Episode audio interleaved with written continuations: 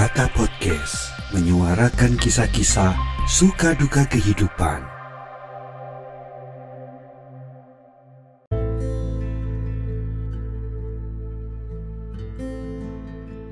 Waduh, topiknya serem.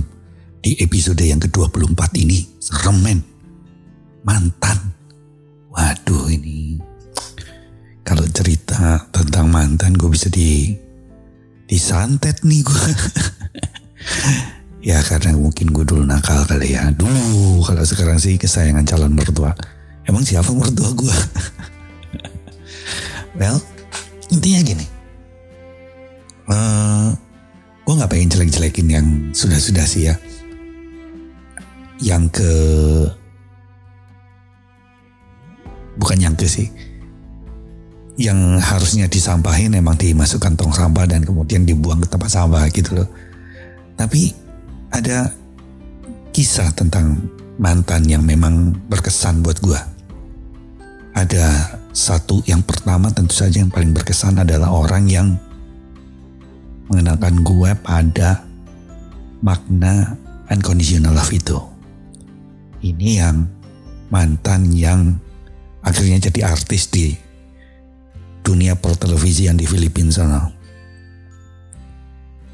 Setelah gue ngilang dan susah dihubungin karena aku pengecut nggak berani gue. Tapi berani gimana ini cibro men. Cinta berat di ongkos. Gak sanggup gue gak kuat. Bener-bener gak kuat gue. Benar ternyata ada pepatah yang mengatakan bahwa cinta memang tidak mengenal materi. Tapi mempertahankan itu butuh penghasilan. Kacau. Akhirnya beberapa tahun kita gak ketemu. Akhirnya suatu saat gue nyariin lewat Facebook ketemu juga di Facebook saat itu udah lulus dia dari kuliahnya tentu saja. Dan yang gue bikin kaget ternyata dia nggak jadi artis. Dia jadi pilot.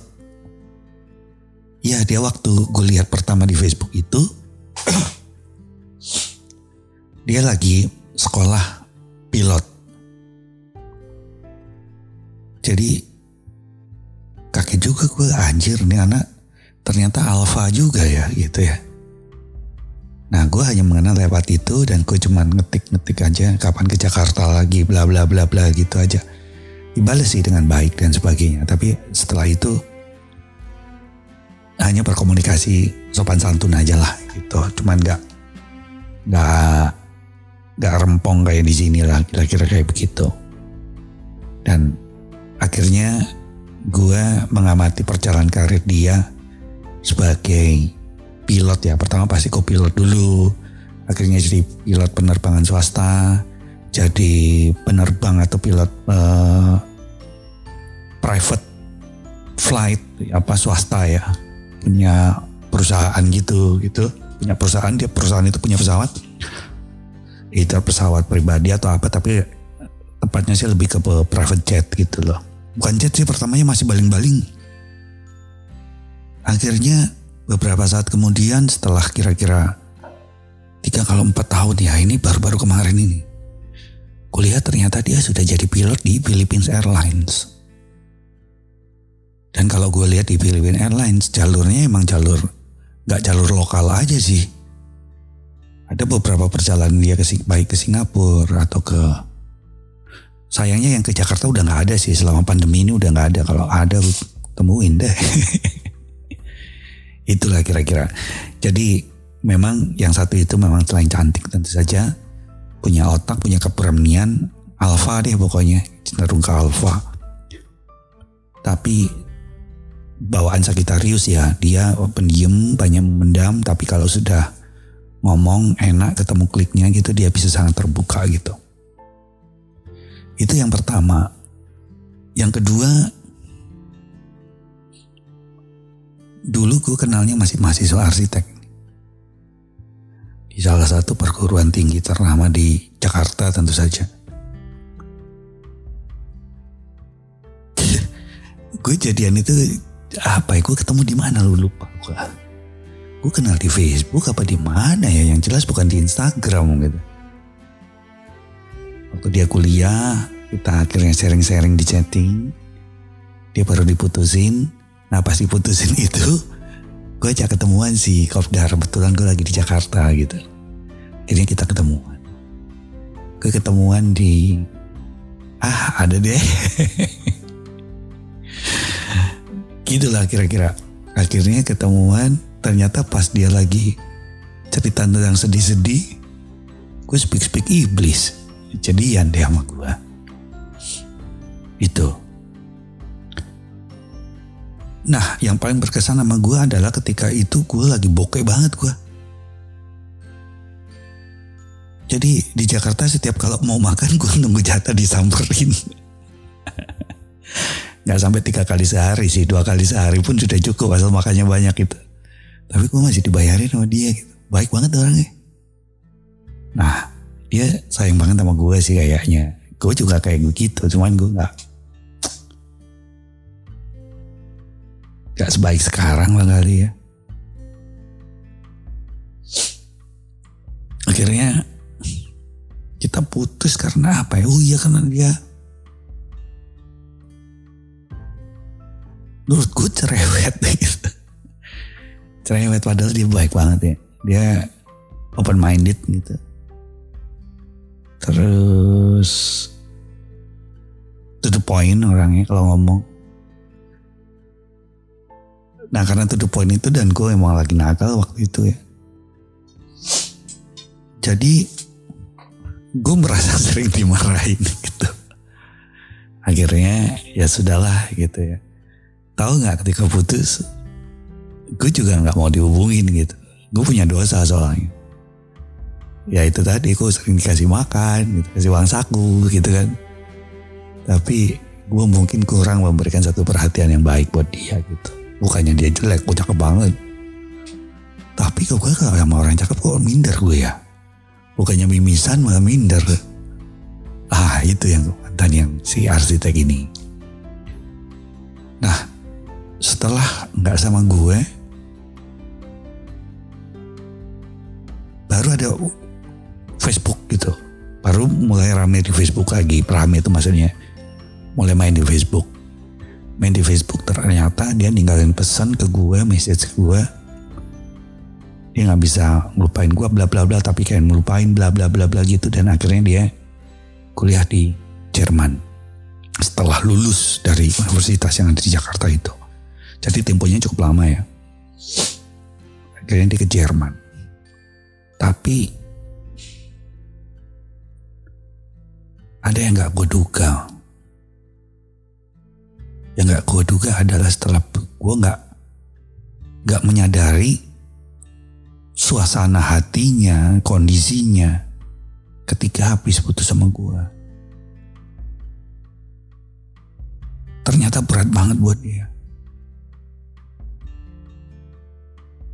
Dan ini baru diceritakan kira-kira dua tahun lalu pas gue ketemu pertama kali setelah lama terpisah gitu ya. Dia udah merit, dia udah merit dia sama orang Indonesia, temannya kuliah di di Jerman juga. Anak dulu teknik perkapalan, baguslah, gue seneng lah dia dapat cowok yang baik. Karena ternyata setelah putus dari gua waktu itu dalam kondisi kebingungannya, dia pacaran sama anak lokal juga cuman bajingan juga rupanya. Tapi gue gak nyalain ya dua-duanya salah sih gitu. Dua-duanya salah maksudnya si mantan gue yang anak arsitek ini. Hamil.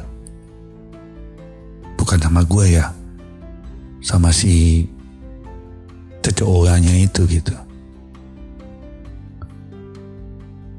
Dan ketika diceritakan dua tahun yang lalu itu gue ketemu di Central Park gitu ya. Dicerita bahwa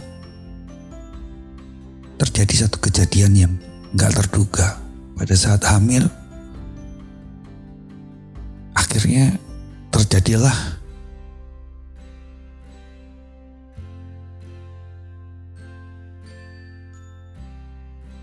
itu digugurkan. Pada digugurkan ke dokter itu, si mantan gue ini sendirian. Yang hamilin itu nggak datang. Setelah pulang dari dokter dalam kondisi yang masih basah berdarah gitu, si cowok itu datang. Dan menurut cerita dari si mantan gue itu, pada saat kondisi yang sangat lemah itu, mantan gue itu ditidurin lagi sama si cowok yang ngambilin dia yang gak datang atau nganterin apalah itu. Kondisi luka, kondisi ketakutan dan apa pun masih ditimpa juga. Tadi itu diceritakan dua tahun yang lalu sama gue Central Park di di Starbucks. Gila. Ternyata ketika gue hengkang dari si mantan gue yang kedua, si anak arsitek itu, gue juga punya dosa. Gimana galaunya dia. Dan, dan, jauh sebelum peristiwa sama si cowok yang brengsek itu. Karena gue gak ada, gue lagi masih di Amerika kalau gak salah. Si mantan gue ini datang ke rumah orang tua gue yang di Malang. Gue lupa ceritanya gimana kok bisa ketemu apakah gue cerita juga atau apa dan sebagainya. Datang ke sana. Nyari gue. Ngeluh. Bercerita sama nyokap gue. Itulah yang terjadi. Jadi intinya dari dua cerita tentang mantan ini. Buat cowok-cowok. Jangan sembarangan lu nidurin anak orang. Kalau anak monyet ya terserah lu. Selain daripada dosa, di luar dosa itu sendiri, kita nggak pernah menyangka apa yang terjadi dengan orang yang kita sia-siain itu. Setragis itu. Gimana kalau itu terjadi sama adik perempuan lu, kakak perempuan lu, anak perempuan lu nantinya. Bukannya gue sok baik ya, gue cerita tentang bahwa gue juga gak beres juga gitu. Tapi intinya adalah dari dua cerita tentang mantan ini, gak ada baiknya buat kita tidak memperlakukan orang dengan baik. Walaupun akhirnya juga dibucin, gue bercerita ketika gue memperlakukan luar biasa, tapi ternyata gue dihianati, dibohongi, dimanipulasi, dan sebagainya. Tetap kita jadi laki-laki yang sebenarnya. Laki-laki yang bisa menghargai orang biarpun orang lain tidak menghargai kita tidak berbohong dan menipu orang lain walaupun orang itu telah membohongi dan tidak jujur ke kita. Jangan. Semakin sedikit orang baik di dunia ini. Walaupun ditambah satu kita atau tambah tiga lulu pada yang dengar. Juga nggak bertambah banyak kan. Tetapi nggak ada salahnya. Inilah kita, laki-laki yang selalu dituduh kurang ajar dan sebagainya. Toh zaman ini gak laki-laki doang yang bejat. Perempuan pun hari ini, hari gini, zaman gini, lebih banyak yang anjing daripada yang anjing. Semoga kita tidak ikut menurunkan harga diri dan nilai-nilai kemanusiaan kita ini. Sampai di sini dulu, kata podcast. Sampai ketemu besok.